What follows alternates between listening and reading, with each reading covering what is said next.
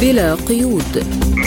برنامج واسع الطيف نطلعكم فيه على آخر المستجدات على الساحة العربية والعالمية. حصريا من إذاعة سبوتنيك. تحية طيبة لكم مستمعينا الكرام وأهلا بكم في حلقة جديدة من البرنامج يصحبكم فيها اليوم عماد الطفيلي. ونغم كباس ونبدأ بأبرز العناوين. قوات الأوكرانية تقصف محيط محطة زباروجيا للطاقة النووية. الولايات المتحدة تتحدث عن مشروع عسكري لردع إيران. أردوغان يعلن أن العملية العسكرية شمال سوريا غير محدودة بضربات جوية ويمكن استخدام القوات البرية. حكومة إقليم كردستان العراق تدين تجدد القصف الإيراني على أراضيها. لازلتم تستمعون إلى برنامج بلا قيود.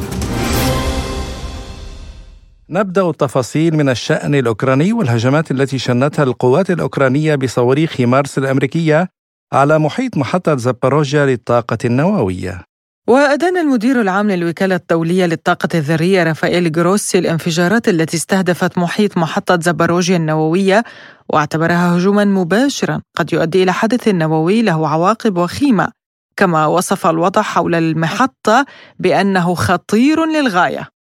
واستطرد مدير عام الوكالة الدولية حقيقة أن هناك دول تعتبر محطة زباروجيا هدفا عسكريا مشروعا هو شيء لا يمكن تصوره وأن المفاعلات النووية في المحطة لم تتأثر بينما طالت الضربات مناطق تخزين الوقود الجديد والمستنفد وقال إن خبراء الوكالة سيقيمون الأضرار التي لحقت بالمحطة من جراء القصف إذا سمح الوضع بذلك معتبرا أن الهجمات كانت متعمدة ومستهدفة وتعتبر هجوما مباشرا لم يحدث على الأقل منذ الصيف وهذا يشير إلى تعقيد واضح للوضع على حد قوله. وحث مدير الوكالة الدولية على وقف التصرفات الجنونية حول محطة الطاقة النووية في زباروجيا مشيرا إلى أن تدهور الوضع قد يؤدي إلى حادث نووي له عواقب وخيمة. حول هذا الموضوع قال إيفان ليزان رئيس مكتب الدراسات السياسية يونيون ناراتيف 2050 Ну как это? Он скажет, Зеленский перестань стрелять по Запорожской كيف يمكن لجروسي أن يخبر زيلينسكي بألا يطلق النار على محطة زباروجا للطاقة النووية هذا سيوقفه عن عمله إما أنه سيواجه مشاكل أو سيحرم من التمويل لذلك فإن الوكالة الدولية للطاقة الذرية تنتهج سياسة المعلومات هذه إنهم موضوعيون نوعا ما لكنهم صامتون يشبهون إلى حد ما مراقبي منظمة الأمن والتعاون في أوروبا في دانيسك استمعنا إلى رئيس مكتب الدراسات السياسية إيفان ليزان. وبدوره قال فلاديمير روغاف عضو المجلس الرئاسي لإدارة منطقة زباروجيا في الأسبوع الماضي كان هناك تصويت في مجالس محافظي الوكالة الدولية للطاقة الذرية التي تبنت قرارا متحيزا تماما. بأن على روسيا التخلي عن كل شيء وتسليم كل شيء إلى نظام زيلينسكي. للتذكير إن مدينة إنرجودار تقع في منطقة زباروجيا في الاتحاد الروسي وأن محطة الطاقة النووية هي تابعة لملكية الدولة الروسية لقد تمت المصادقة على هذا القرار بمرسوم صادر عن رئيس الاتحاد الروسي مرسوم حكومي. لذلك لا يوجد شيء للمناقشة هنا. يمكن تبني العديد من القرارات التي سيتم تمريرها من قبل الانجلو ساكسون ولكن روسيا تبني سيادتها وتستعيدها وتتبع طريق الاستقلال. لذلك القافلة تسير ولا ينبغي الاهتمام إلى نباح البريطانيين أو الأمريكيين. وحول هذا الموضوع قال المحلل السياسي الدكتور حكم أمهزلي بلا قيود. يعني من ميزات الدول الغربية أنها تعدد المعايير باتجاه موقف واحد بنفس الظروف وبنفس المعطيات ولكن بما يتناسب مع مصلحتها. الآن هم يتناسب مع مصلحتها أنها تستخدم كل الأسلحة الممكنة في مواجهة روسيا وتقدم الدعم الكبير في هذا الإطار لأوكرانيا. وبالتالي الآن موضوع زباروجيا هو من الأسلحة التي تستخدمها حاليا. الولايات المتحدة الأمريكية والدول الغربية والناتو في مواجهة روسيا إذ أنها تعتبر أن زابروجيا هي سلاح نووي مسلط فوق رأس روسيا والجيش الروسي. وبالتالي الغرب والناتو والولايات المتحدة الأمريكية كما أشرنا يقدمون الأسلحة على اختلافها لأوكرانيا. طيب في هذا الإطار يعني إضافة إلى ما يقدمه هذا الغرب من أسلحة إلى أوكرانيا. هناك زبروجيا المفاعل النووي أو القنبلة النووية سميها ما شئت هذه تهدد بشكل مباشر الجيش الروسي وأيضا السكان الموجودين في المنطقة وبالتالي هذا يبقى سيفا مسلطا. فلذلك لا يمكن لهذا الغرب إلا أن يبقى فقط في إطار الإدانات. لو كان الأمر مختلفا يعني لو كان هذا الأمر مثلا الزبروجيا مثلا تهدده أو تهدد حلفائه أعتقد أن كان الموقف تغير يعني كانت كانت الولايات المتحدة الأمريكية يعني آه، بدأت آه، تهدد وتزبد وترعد وتتخذ الإجراءات الميدانية مع الناتو لمواجهة هذا الخطر الذي يحدق بها، ولكن طالما أن الخطر يحدق بروسيا فهذا في المصلحة وبالتالي يجب أن يبقى هكذا آه، وتكتفي فقط أمريكا وحلفائها بالإدانات الكلامية لا أكثر ولا أقل. وحول الهدف من هذا التهديد الأوكراني أضاف امهز يعني آه، أن تستخدم أوكرانيا آه، زبروشيا آه، كتهديد جماعي هذا الأمر واقعي. هذا يعني ما أشرنا إليه في الإجابة السابقة. وبالتالي يعني في الحرب تستخدم كل الأسلحة سواء كانت قذرة أو غير قذرة لتحقيق الأهداف التي تريدها. فلذلك الآن مثلا أوكرانيا كما أشرنا يعني كما الغرب أيضا يعتبرون أن زبروشيا مصدر تهديد وهذا ما يضعف أيضا من قوات من من معنويات الجيش الروسي والقوات الروسية الموجودة في المنطقة التي تبقى في حالة دائمة من الخوف أنه بين لحظة وأخرى يمكن أن تستهدف هذه المحطة وبالتالي الاستهداف يعني أنه ستكون هناك كارثة ليس فقط على مستوى آه، آه، ضيق إنما ستكون على مستوى واسع لأن الإشعاع النووي عفوا والخطر النووي سيكون يعني بعيدا لا يقتصر فقط على مساحة جغرافية محددة. فلذلك آه، إحدى نقاط القوة أوراق القوة أو أوراق القوة هي في يد أوكرانيا هي هي زبروشيا. فلذلك يحاول أن يستثمر هذه الورقة بما أمكن. وحول عدم اكتراث الغرب بالمطالبات الروسية بإقامة منطقة آمنة حول محطة زباروجيا أضاف أمهز. شوف هناك نقطة جدا مهمة في هذا الإطار لابد أن نشير إليها. هو يعني آه، أن أن الغرب والولايات المتحدة الأمريكية تحديدا يعني يحاولون أن يضللوا الرأي العام وكما يقولون يضحكوا على العقول ويسخروا منها لأنه بالمنطق وبالعقل التجريبي يعني هل يمكن لشخص أن ينتحر بنفسه بنفسه بنفسه؟ يعني بمعنى أن من يسيطر على محطة زبروشيا هي روسيا وبالتالي أي خطر سيستهدف هذه المحطة؟ سيستهدف الروسيا اولا والجيش الروسي اولا. فلذلك يعني إذا كانت روسيا هي من قامت بهذا العمل فهي بمعنى من المعاني أنها تنتحر وهذا مخالف للمنطق والعقل و إلى آخره. فلذلك هذا الذي يسمع من قبل الولايات المتحدة الأمريكية والغرب بأن روسيا هي التي تستهدف هذا كذب وتضليل. كان معنا المحلل السياسي الدكتور حكم أمهز. لازلتم تستمعون إلى برنامج بلا قيود.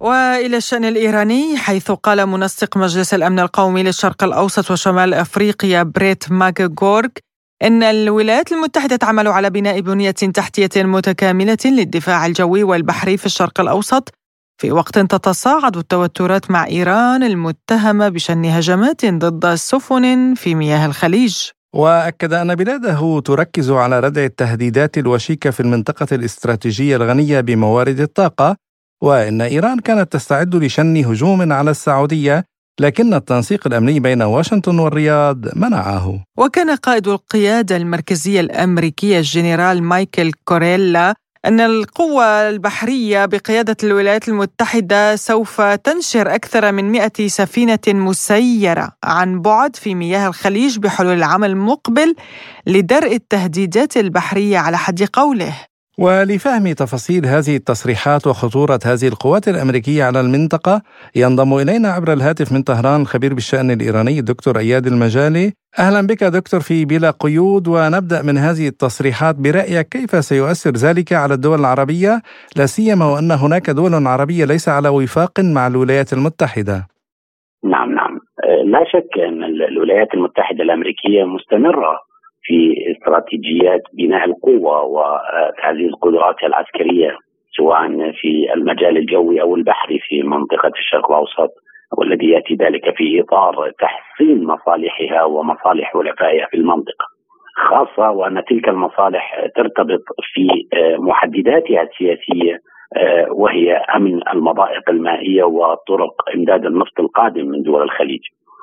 للإجابة على سؤال حضرتك المهم والجوهري حقيقة أعتقد في هذا الجانب أن تصعيد وتيرة التهديد الذي تتعرض له السفن في مياه الخليج يعد خطا أحمر بالنسبة للولايات المتحدة الأمريكية وحلفائها وهو جانب لا يمكن التغاضي عنه خاصة وأن أصابع الاتهام بشن هجمات على سفن في مياه الخليج وجهت بشكل مباشر للنظام السياسي الإيراني.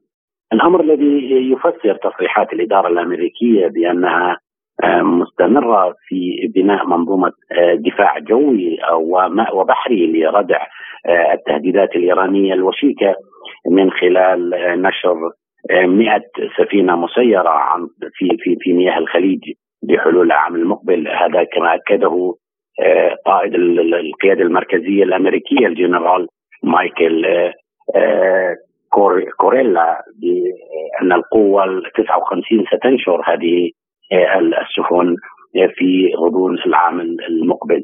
أعتقد أن هذه القوة يعني هي الدافع وراء هذا هذا التصعيد الذي أعتقد أنه جاء بعد هجوم تعرضت له ناقلة نفط إسرائيلية قبالة ساحل عمان. وجهت فيه أصابع الاتهام إلى الجانب الإيراني.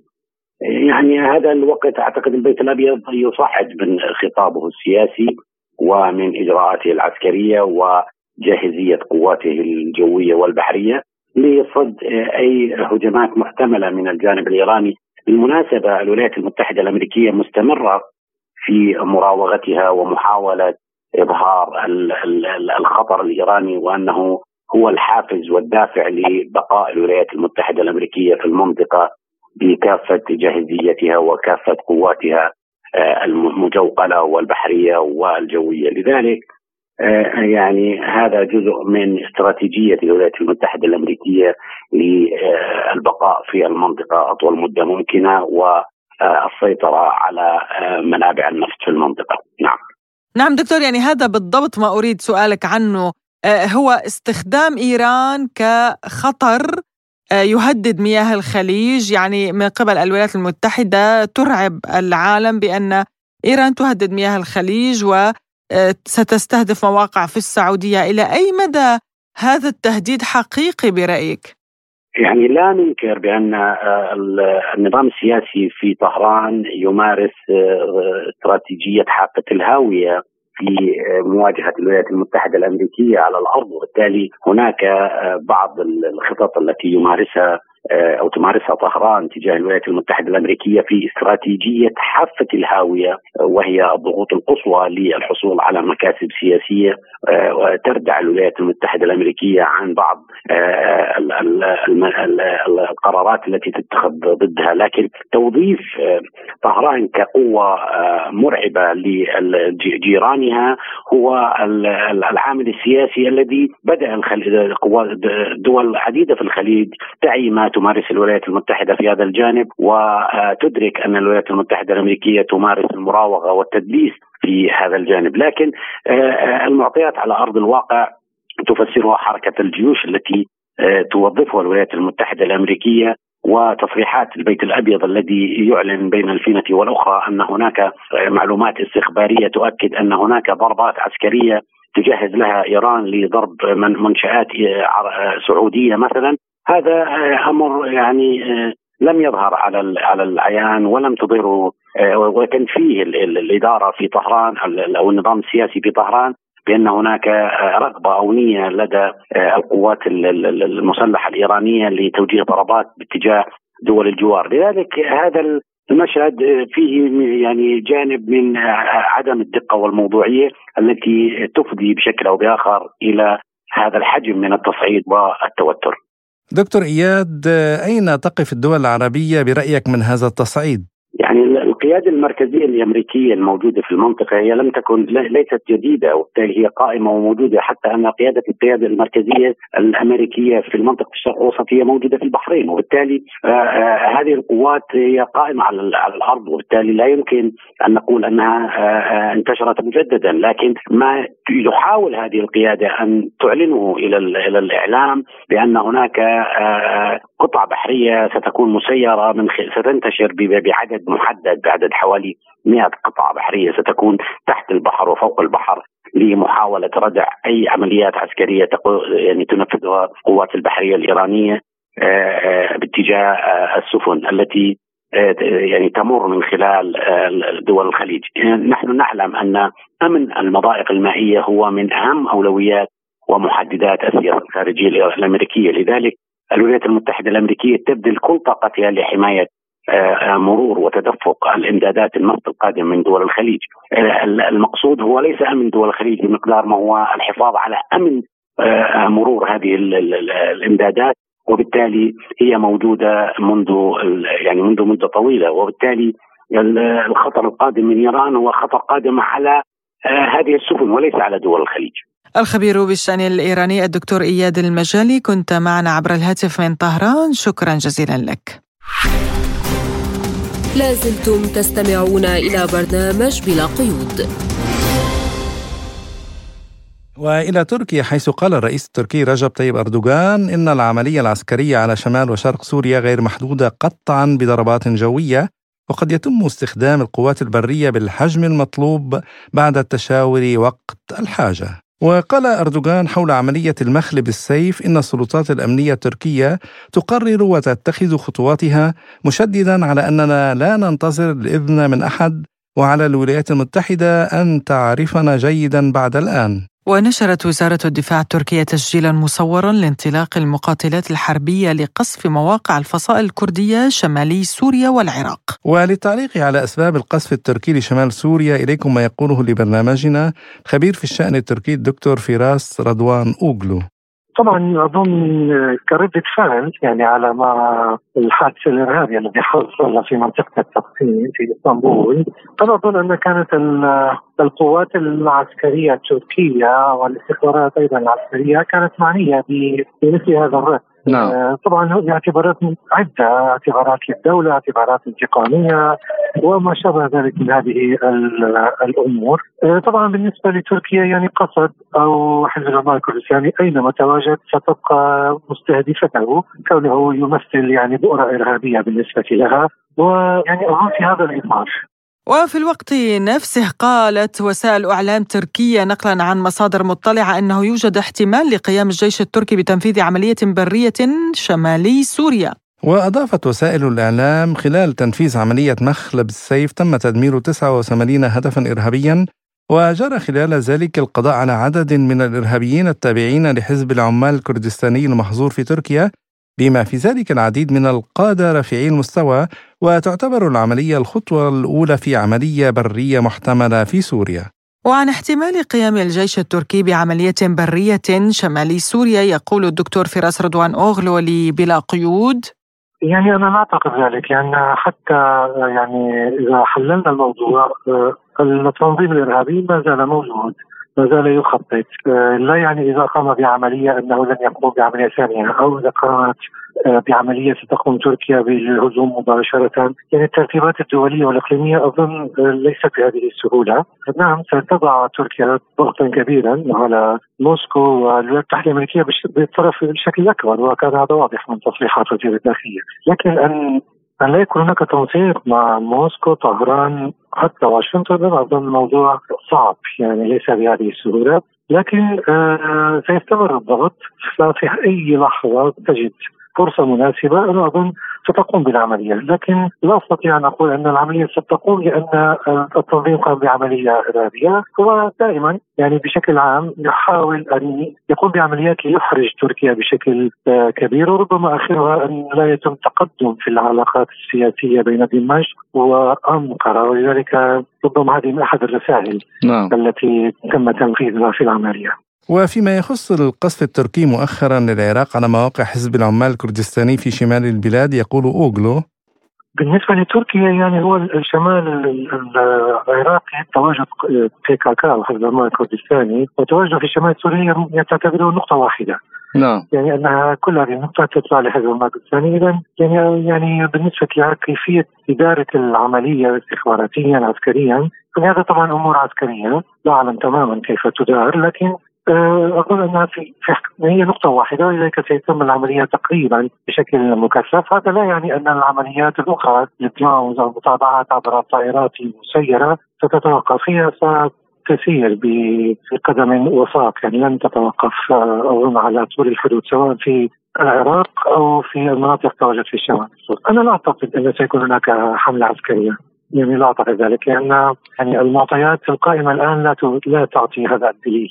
هناك عده أمور. أظن أنها صعبة الآن على تركيا ان تقوم بهذه العملية لكن يعني كما يقال الاستعداد جاهز. العمليات العسكرية كاستعدادات عسكرية جاهزة في أي لحظة لكن الأمور تحتاج ترتيبات كبيرة موسكو ومع واشنطن التي هي معارضة بشكل أكبر ربما من موسكو لكن موسكو أظن قراءتها بمعنى ان ستقوم هذه العملية ولكن يجب أن نقوم بالتعامل مع بعضنا. دمشق أنقرة وموسكو في هذا السياق. وهذا أظن هو احتمال موجود لأن تصريحات رئيس أردوغان بأن وحتى شغل وزير الخارجية فإن سنقيم مستوى التواصل السياسي مع دمشق. وهذا لا يأتي كلام من فراغ. أنا أعتقد أنه في ضمن هذه الأمور.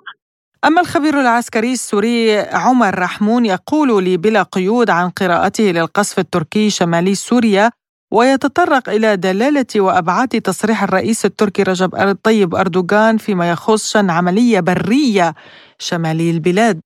مما لا شك فيه بأن أردوغان والحكومة التركية صرحوا مرات وكرات بأنهم سيبدأون بعملية تركية عسكرية لطرد قوات قسد من الشمال السوري. وتكرر هذا الوعيد على لسان الرئيس تركي ووزير خارجيته وعلى لسان عدة مسؤولين أتراك خلال السنة الماضية. سمعنا الكثير من التصريحات لكن في الحقيقة العملية العسكرية التركية التي وعد أردوغان بها شيء والقصف الجوي الذي حدث مؤخرا شيء آخر. فإذا كانت إذا كانت هذا القصف متصل بالعملية التركية ففي الحقيقة تمخض الجمل فولد فأرا. يعني بعد الوعيد بعملية عسكرية نتفاجأ بأن القدرة التركية مقتصرة على القصف الجوي وبالتالي هذا يدل على عجز تركيا عن تحقيق التهديدات التي أطلقتها ضد قسد. وبما أن تركيا لم تحقق ولم تطلق العملية العسكرية البرية التي توعدت بها واكتفى آه، أردوغان أو اكتفت تركيا بهذه بهذا القصف الجوي للشمال السوري وشمال العراق فهذا يعني في الحقيقة هذه عملية لكسب الرأي العام الداخلي التركي وإشغال الرأي العام التركي حروب هنا وهناك وبإطلاق معارك هنا وهناك. الكل يعلم بأن الداخل التركي مأزوم والوضع الداخلي في تركيا ضد أردوغان وأسهم أردوغان الانتخابية انخفضت كثيرا فكان لا بد من الاعتماد على بعض الأشياء لرفع آه، مستوى شعبية أردوغان. فكان لا بد من التفجير الذي حصل في اسطنبول والذي اعتمد عليه أردوغان لإطلاق هذه العملية أو لشن هذا القصف على الشمال السوري. وفي الحقيقة هي عملية يعني يعتمدون يقولون بأننا نعتمد على المادة 51 من ميثاق الأمم المتحدة للحفاظ على الأمن القومي، لكن الحفاظ على الأمن القومي عندما يكون هناك تهديد على الحدود أما هذه العملية التي حدثت في إسطنبول حدثت في الداخل التركي. لم تحدث من الحدود السورية إنما حدثت في الداخل التركي. أما ادعاء تركيا بأنها دخلت من منطقة عفرين والأوامر صدرت من عين العرب وكذا هذه كلها ادعاءات تركية لا دليل على صحتها ابدا، فالعملية التي حدثت هي ليست العملية البرية التي توعدت تركيا بها كثيرا وتوعدت بإطلاقها كثيرا خلال السنة الماضية، إنما هي آه، قصف جوي الغاية والغرض منه كسب الرأي العام آه، التركي لصالح أردوغان ورفع أسهم أردوغان في موضوع الانتخابات، هذا الموضوع بكل ما فيه معنى. أما كلام آه، أردوغان وكلام الحكومة التركية بأنهم مستمرون وسيستمرون، هذا يندرج تحت الوعود المواعيد الكثيرة التي تطلقها تركيا ضد قسد أو ضد الشمال السوري لكن في الحقيقة ما في لا يوجد شيء من هذا من هذه الوعود على أرض الواقع. قد تحدث هذه المعركة أو قد تحدث هذه العملية العسكرية التركية لاحقا وقد لا تحدث. يعني المسألة آه، لها كثير من القراءات لكن الوعود التركية والمواعيد وإطلاق التحذيرات مستمر. لكن إطلاق التحذيرات وبأننا مستمرون في القصف الجوي أو ربما سيتصل بمعركة برية هذا لا دليل عليه إنما هي تصريحات تشبه سابقاتها ولا دليل على أن هناك عملية عسكرية قريبة. كان معنا المحلل العسكري عمر رحمون. لازلتم تستمعون إلى برنامج بلا قيود. وعلى صعيد متصل أدانت حكومة إقليم كردستان العراق الهجوم الذي نفذته إيران بالصواريخ والطائرات المسيرة في الإقليم مؤكدة أن الهجمات غير مبررة. وقالت الحكومة ندين بأشد العبارات الهجوم الذي شنته الجمهورية الإسلامية الإيرانية الليلة الماضية على إقليم كردستان مشيرة إلى أن الانتهاكات الإيرانية المتكررة التي تمس سيادة العراق وإقليم كردستان العراق غير مبررة وتشكل انتهاكا صارخا للأعراف الدولية وعلاقات حسن الجوار. وإليكم ما يقوله بهذا الخصوص الدبلوماسي الإيراني السابق الدكتور هادي أفقهي لبرنامجنا في تعليقه على بيان حكومة كردستان العراق. بسم الله الرحمن الرحيم. نحن حذرنا منذ أكثر من سنتين حضور منظمات إرهابية بالوثائق والمواقع الجغرافية التي يسكنونها. إمكانياتهم العسكرية عددهم أسماء قياداتهم تحركاتهم عبر كل القنوات سواء عن طريق وزارة الخارجية في بغداد أو عن طريق الإقليم في كردستان وحتى في لقاءات مسؤولين من الإقليم عندما كانوا يزورون طهران كنا نحذرهم ونسلمهم هذه الوثائق.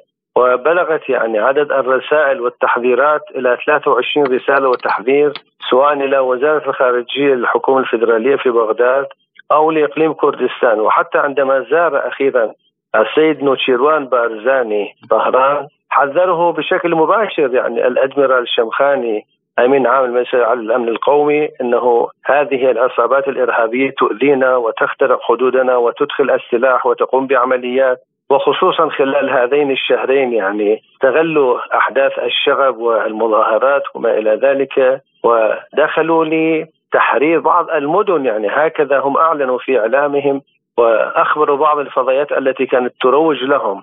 فاولا الدستور العراقي لا يسمح أظن المادة سبعة لا يسمح الدستور العراقي استخدام الأراضي العراقية للاعتداء على أي من دول الجوار.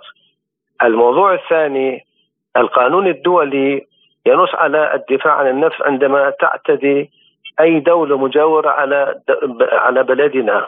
هذا قانون يعني الدفاع عن النفس الموضوع الثالث نحن حذرناهم إن لم تستطيعوا أن تخرجوهم نحن مستعدون أن نساعدكم الدستور العراقي كذلك ينص على انتشار الجيش العراقي على كل الأراضي العراقية، لماذا لا يسمح إقليم كردستان بدخول القوات العراقية لإخراج هؤلاء أو خلع سلاحهم؟ اذا هذه التنديدات هذا الإنكار وهذه الاعتراضات الروتينية لا تجدي نفعا أخي العزيز يعني لا يمكن أي بلد أن يتحمل تدفق إرهابيين يقومون بذبح وقتل وتفجيرات وما إلى ذلك. إذا إقليم كردستان هو الذي يؤوي هؤلاء سواء في أربيل أو سواء في السليمانية. وإلى أن ننزع سلاح هؤلاء أو تطرد الحكومة العراقية أو الإقليم هؤلاء سيستمر هذا القصف وهذا من حقنا القانوني والدولي. ودعت الحكومة السلطات الإيرانية إلى وقف هذه الحملة ضد الإقليم مؤكدة أن الاستقرار لن يتحقق من خلال العنف على الإطلاق. ودعت حكومة إقليم كردستان أصدقائها وشركائها في بغداد والأمم المتحدة والمجتمع الدولي عامة إلى اتخاذ موقف واضح وصريح تجاه الاعتداءات الإيرانية المستمرة. فيما قال المتحدث باسم وزارة الخارجية الإيرانية ناصر كنعاني إن إيران تأمل ألا تتعرض لأي تهديد انطلاقا من الأراضي العراقية وألا تكون الأراضي العراقية مصدرا لتهديد إيران وأمنها.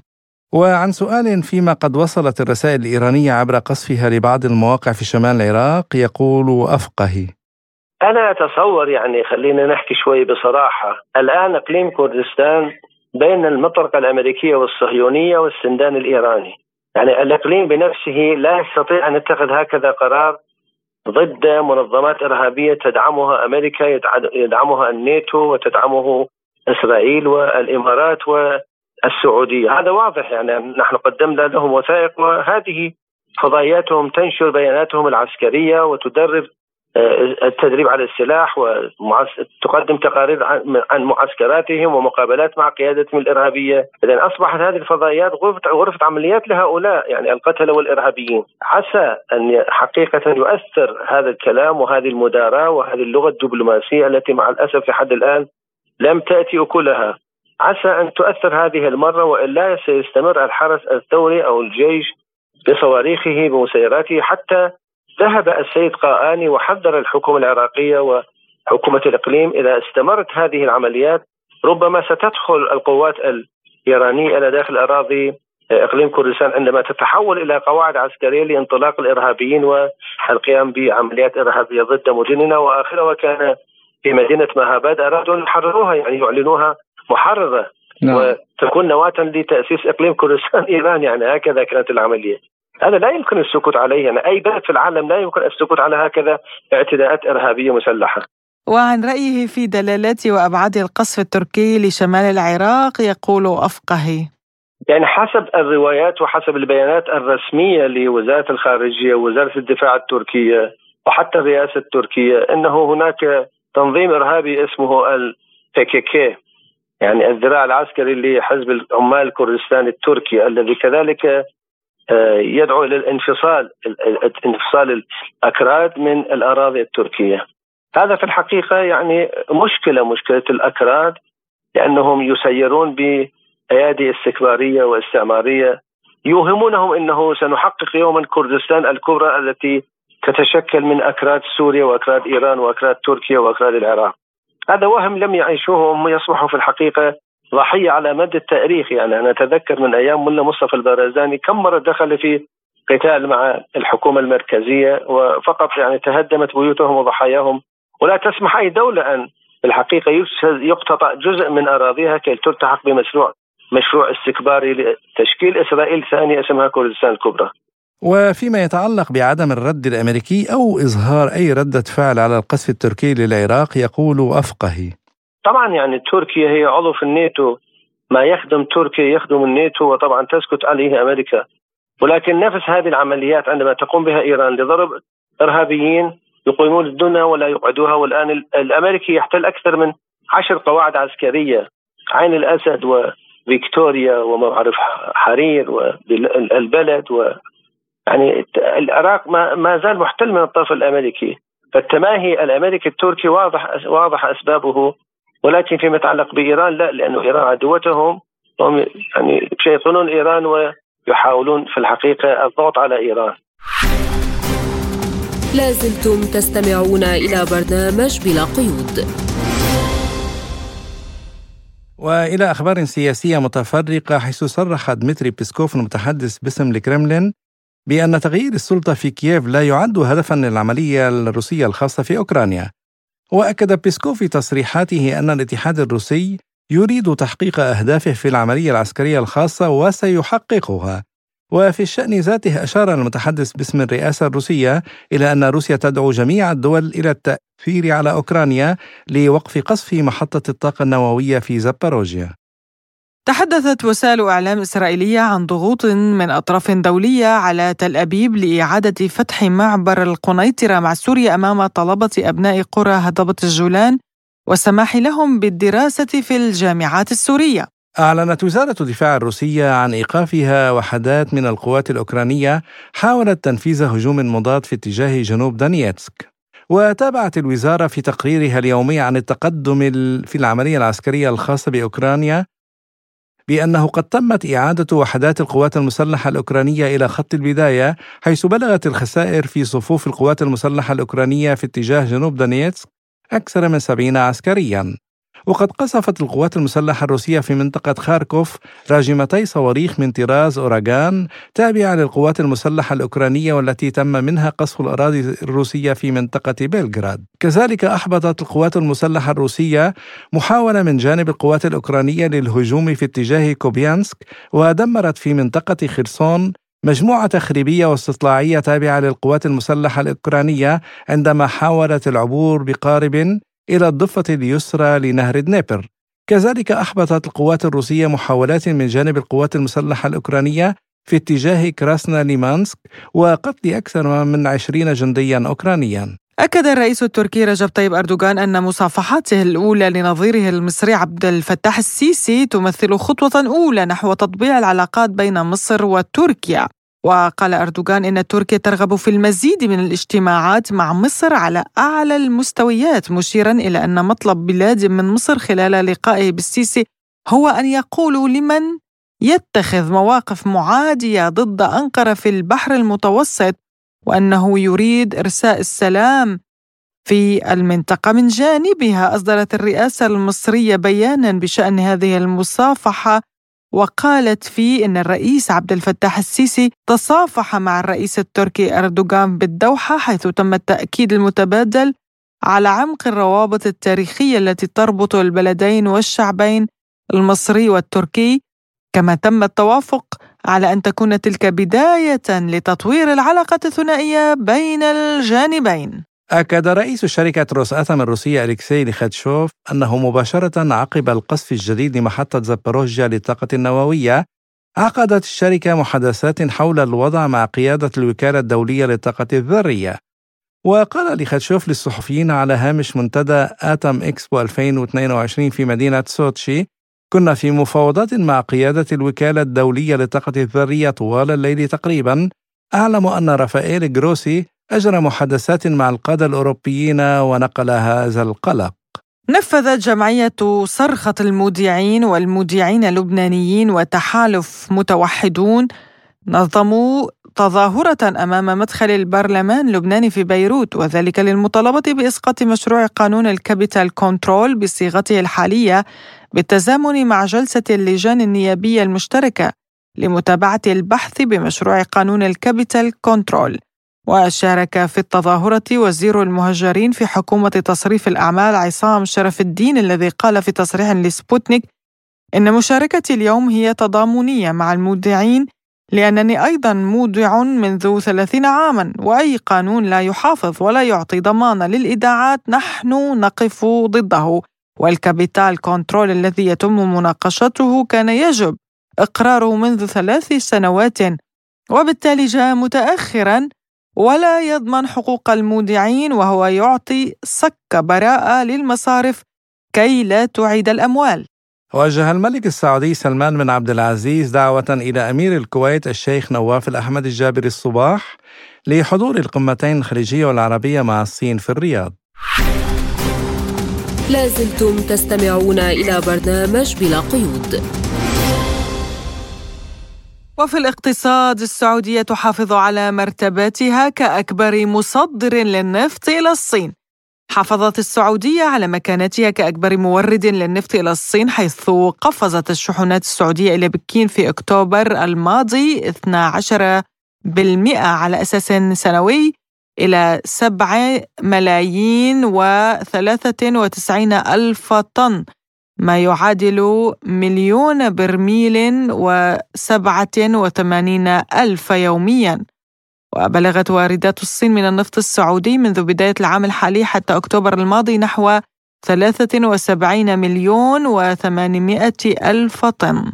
وسجلت الإمدادات الروسية للصين نحو 72 مليون طن منذ بداية العام بزيادة 9.5% على أساس سنوي لتحل المركز الثاني بعد السعودية. وقفزت واردات الصين من النفط الخام من الولايات المتحدة إلى أكثر من خمسة أمثال في أكتوبر مقارنة بالعام السابق إذا استفادت المصافي من انخفاض الأسعار مع زيادة الصادرات الأمريكية وسط ارتفاع الإنتاج والسحب من المخزونات. وزادت الشركات الصينية وارداتها من خام الأوران الروسي الذي يتم تحميله في الغالب من الموانئ الأوروبية في الأسابيع الماضية قبل تطبيق عقوبات الاتحاد الأوروبي الوشيكة وفي ظل الضبابية حول خطة مجموعة السبع لوضع حد أقصى لأسعار النفط الروسي استعتزم مجموعة دول السبع الإعلان عن سقف لأسعار الخام الروسي.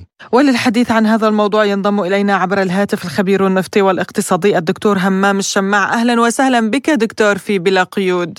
أهلا وسهلا بكم وإذاعة روسيا. الله يخليك. دكتور يعني نبدأ من هذه المعلومات والبيانات التي تؤكد أن السعودية تمكنت من أن تكون أكبر مورد للنفط إلى الصين، هل هذا سيؤثر برأيك على إيرادات الأمريكية والروسية باتجاه الصين؟ النفطية يعني آه، النفط آه، أكبر مصدر للنفط إلى الصين هي السعودية.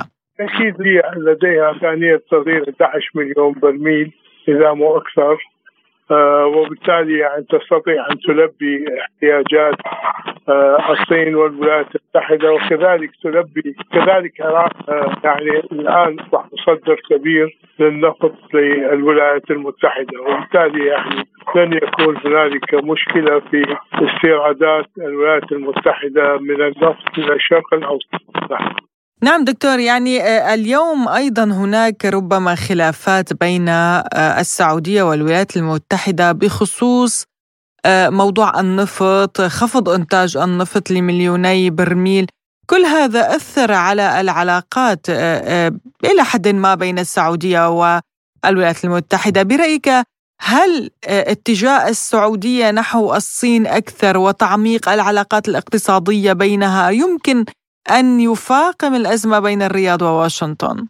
نعم منذ آه، تولي ولي العهد محمد آه، بن سلمان زمام آه، المسؤولية الأساسية في المملكة العربية السعودية تغيرت المعطيات الأساسية للعلاقة بين الولايات المتحدة والمملكة العربية السعودية الآن المملكة العربية السعودية ترى أن تعدد آه، الأقطاب أو القطبية الثنائية وربما حتى الثلاثية يسير في مصلحتها باعتبارها قوة اقتصادية نامية وكبيرة جدا.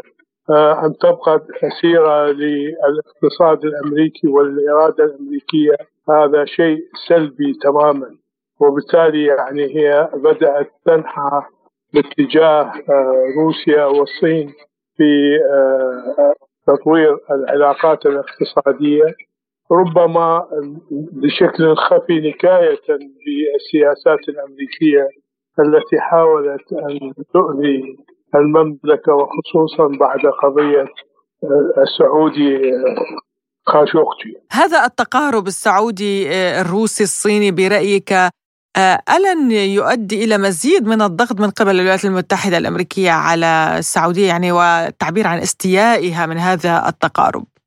في الواقع لحد الآن لم تستطع السعودية أن تفرض آه، إرادتها على المملكة العربية السعودية.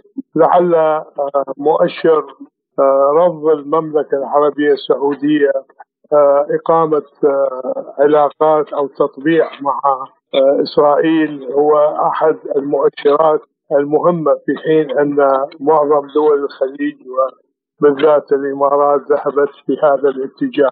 كما أن المملكة تطور الآن علاقاتها مع دول الجوار وخصوصا مع جمهورية مصر العربية. فبناء هذا الجسر الذي سيربط الاقتصاد المصري بالاقتصاد السعودي ويكلف أربع مليارات دولار يدر مئات المليارات من المكاسب الاقتصادية على البلدين. وبالتالي يعني تنحى السعودية باتجاه تحقيق آه، آه، استقلال اقتصادي بعيدا عن الاعتماد على الاقتصاد المصري الأمريكي. كما أن رؤية الولايات المتحدة لمستقبل النفط والتطورات في المدى المتوسط والبعيد حيث سيتحول العالم من الطاقة الأحفورية إلى طاقة جديدة والمتجددة يدفعها باتجاه تخفيف علاقاتها النفطية مع الولايات المتحدة. وبناء علاقات مع دول صاعدة بإمكانها أن تتعاون مع السعودية لتطوير مصادر الطاقة الجديدة والمتجددة طيب دكتور يعني سؤالي الأخير لحضرتك آه الأربعاء المقبل مجموعة السبع تجتمع لوضع حد أقصى لأسعار النفط الروسي. هل تعتقد أن ذلك سيكون ممكنا؟ وكيف سيؤثر على سوق النفط العالمية؟ يعني مثل هذا الإجراء أو المحاولة هي محاولة غبية تماما. آه يعني آه كيف تستطيع أن تضع حدا أعلى آه، لسعر النفط من قبل المشتري؟ المشتري لا يستطيع أن يحدد الأسعار إنما العرض والطلب. آه، روسيا لا تبيع بهذا السعر سوف يقل العرض وبالتالي الذي يحتاج إلى النفط سوف يشتريه بالسعر بسعر السوق. أما أن آه، وضع سقف أعلى فهو مجرد قيد نظري يعني لن يستطيع أن يرى النور في تقدير. نعم شكرا جزيلا لك الخبير النفطي والاقتصادي الدكتور همام الشماع كنت معنا عبر الهاتف شكرا جزيلا لك على هذه المداخلة. أهلا أهلا وسهلا. لازلتم تستمعون إلى برنامج بلا قيود. صرح وزير الطاقة الإيراني بأنه تم إجراء مزامنة أولية لشبكة كهرباء البلاد مع الشبكة الروسية كما يتم العمل على إجراء مزامنة مشتركة بين إيران وأذربيجان وأرمينيا وروسيا. وفي أخبارنا الاقتصادية المتفرقة أيضا قال المستشار الألماني أولاف شولتز إن بلاده استعدت للتحديات والتعقيدات الناجمة عن نقص إمدادات الغاز الروسي وتم ضمان استعدادها لتجاوز الشتاء دون انقطاع التيار الكهربائي. مشيرا إلى أن قيادة الدولة في ظل الظروف الحالية قررت إطالة فترة استثمار محطات توليد الطاقة من الفحم والمحطات الكهروذرية وشدد على أن منشآت تخزين الغاز مملوءة ويتم بناء محطات لاستقبال الغاز الطبيعي المسال. أعلن رئيس مجلس إدارة قطر للطاقة سعد الكعبي أن الشركة وقعت اتفاقية بيع وشراء مدتها 27 عاما مع شركة سينوبك الصينية وهي الأطول في تاريخ صفقات الغاز الطبيعي المسال. وقال الكعبي في مقابلة في الدوحة قبل وقت قصير من توقيع الصفقة إن اليوم يعد علامة فارقة في أول اتفاقية بيع وشراء لمشروع حقل الشمال الشرقي فهي تبلغ أربعة ملايين طن لمدة 27 عاما لشركة سينوبك الصينية. لازلتم تستمعون إلى برنامج بلا قيود. وإلى قطر حيث أعلن أمير البلاد الشيخ تميم بن حمد ال ثاني افتتاح مونديال قطر من ملعب البيت شمال العاصمة الدوحة حيث خاض أصحاب الأرض أولى المواجهات الخاسرة مع الإكوادور ضمن منافسات المجموعة الأولى. وبعد حفل افتتاحي شهد حضور الممثل الأمريكي الشهير مورغان فيريمان واستذكار النسخ المونديالية السابقة قال أمير قطر في كلمة مؤثرة بذلنا جهد واستثمرنا في الخير للإنسانية جمعاء. وأخيرا وصلنا ليوم الافتتاح. اليوم الذي انتظرتموه طويلا. بدءا من اليوم وحتى الثامن عشر من ديسمبر المقبل نتابع المهرجان الكروي الكبير في هذا الفضاء المفتوح للتواصل الإنساني والحضاري. وللاطلاع أكثر على أجواء المونديال نستضيف من الدوحة موفد سبوتنيك إلى هناك جون إلياس. أهلا ومرحبا بك يا جوني. أطلعنا خبرنا عن أجواء المونديال في الدوحة. أجواء المونديال رائعة الجميع رائع الجميع يستمتعون بهذه الأجواء. قطر تمكنت من صبغ كأس العالم بأجواء شرقية وعربية بطابع خاص. نعم نعم. عم نقرأ إنه حتى الجماهير اللي كانت موجودة بالاستاديون كان طلع لهم هدايا خاصة في مدرجات ملعب البيت بالدوحة أمس يعني. شو رمزية هالشغلة؟ رمزية هذه الهدايا للتقارب والتعارف. حتى إذا طلعنا على حفل الافتتاح يهدف بشكل عام إلى التأخي والتعاون بين جميع الأمم بغض النظر عن الجنسيات والأعراق. في في هذه الهدايا تضمنت عبارة عن آه، لفحة. هذه الهدايا تضمنت آه، لفحة أو آه، شارف من التقاليد القطرية. حتى لا يشعر المشجعون بالبرد ليلا في حال تأخروا. بالإضافة إلى عطر من العود وهو من التراث التقليدي القطري والخليجي بشكل عام. بالإضافة إلى تميمة آه، كأس العالم وهي لعيب أشياء تذكارية آه، طيب التميمة إلى ماذا ترمز آه، جوني؟ التميمة هي عبارة مأخوذة عن شعار والتقاليد العربية الأصيلة من ما ينضم على الرأس في المنطقة العربية تحديدا جوني بدي أسألك هل كانت النتيجة متوقعة بين قطر والإكوادور؟ صراحة التقيت قبل اللقاء بعدد من مشجعي المنتخب القطري متفائل حقيقة. بعض الأشخاص توقعوا فوز المنتخب القطري بهدفين لهدف. كيف انعكست النتيجة على المشجعين؟ وبعض الأشخاص توقعوا عدم آه، حتى تأهل أو خروج المنتخب من دوري المجموعات. اليوم يمكن تونس والدنمارك برأيك مين له الحظ الأكبر بالنجاح؟ تونس والدنمارك. المونديال لا يمكن التنبؤ بمبارياته لأن الجميع يريد كتابة التاريخ. نعم جوني إلى ماذا عزا إلى ماذا عزا الجمهور آه، فوز الإكوادور على المنتخب القطري؟ وأنت تقول بأنه البعض كان يرجح فوز المنتخب القطري. البعض غير متفائل بأداء المنتخب بشكل عام. هذه الآراء موجودة في جميع المنتخبات حتى نجدها ليس بالغريبه في المنتخب البرازيلي وفي أعظم المنتخبات. هناك بعض المشجعين غير متفائلين بأداء ولا يعجبهم أي شيء. آه، اليوم مساء آه، شيء المباريات اللي حتكون مع مين إذا ممكن تشرح لنا توضح لنا تخبرنا آه، صراحة أنا أنا حاليا متواجد في منطقة الفن زون في حديقة البدع. هي منطقة على شاطئ الخليج العربي. اليوم وللصدفة يوجد في منطقة اسمها ساحة الأعلام أو أو الساعة المونديال. اليوم وللصدفة تواجد مشجعو المنتخب الأرجنتيني وسوف نوافيكم بفيديوهات عن تواجدهم على سبوتنيك اجتياح جماهيري هائل للمنتخب الأرجنتيني لمشجعي المنتخب الأرجنتيني. اليوم لعبة الأرجنتين؟ غدا لعبة الأرجنتين مع السعودية. اليوم تونس والدنمارك مش هيك؟ تونس والدنمارك. أه، بكلمة أه، مختصرة. أه، قطر تمكنت من صبغ هذا المونديال بصبغه شرقية وصبغة عربية تحديدا. ما ردة فعل المشجعين الأجانب على هذه الصبغة على هذه العادات العربية؟ هم يتعرفون لأول مرة على دولة عربية آسيوية يعني. هذا الشعور موجود عند جميع مشجعي المونديال. لماذا؟ لأن عشاق المونديال جاهزين لملاحقة منتخباتهم وتشجيعها في أي بلد كان. لا يهم الثقافة لا يهم أي شيء.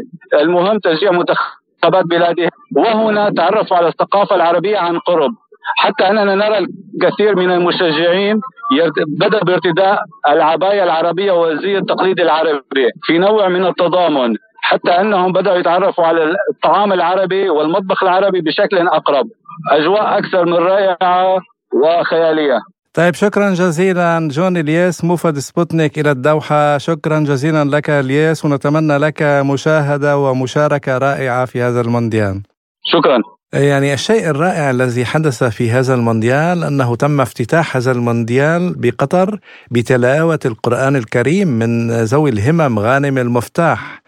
وكان يعني نجم افتتاح نهائيات كأس العالم لكرة القدم قطر 2022 نعم يعني وهذه افتتاحية لاقت إعجابا من جميع من شاهدها وقالوا بأنه هي تعريف للثقافة العربية للعالم العربي لجميع المشجعين الذين جاءوا من مختلف أنحاء العالم. أيضا اللافت للانتباه عماد هي أن قطر الصغيرة جغرافيا استطاعت بذكاء استيعاب أعداد بالآلاف آه، بطريقة السفن العائمة الفنادق العائمة المنازل العائمة على سطح البحر بحيث تستوعب هذه هالكمية يعني الكبيرة من المشجعين.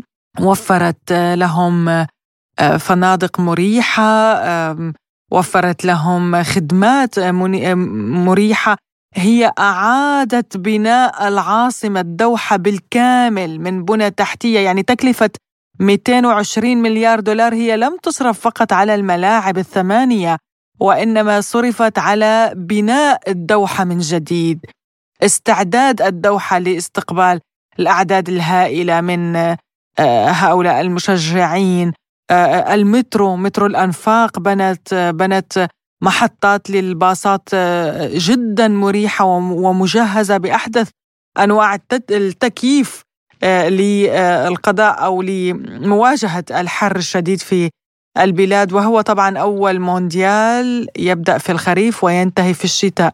نعم وكان يعني أيضا هناك كان انتقادات وهجوم شرس على الفنانة مريم فارس. بسبب أغنية مونديال قطر. يعني لاحظنا أنه تم افتتاح هذا المونديال بتلاوة من آيات القرآن الكريم وهذا شيء عظيم ورائع.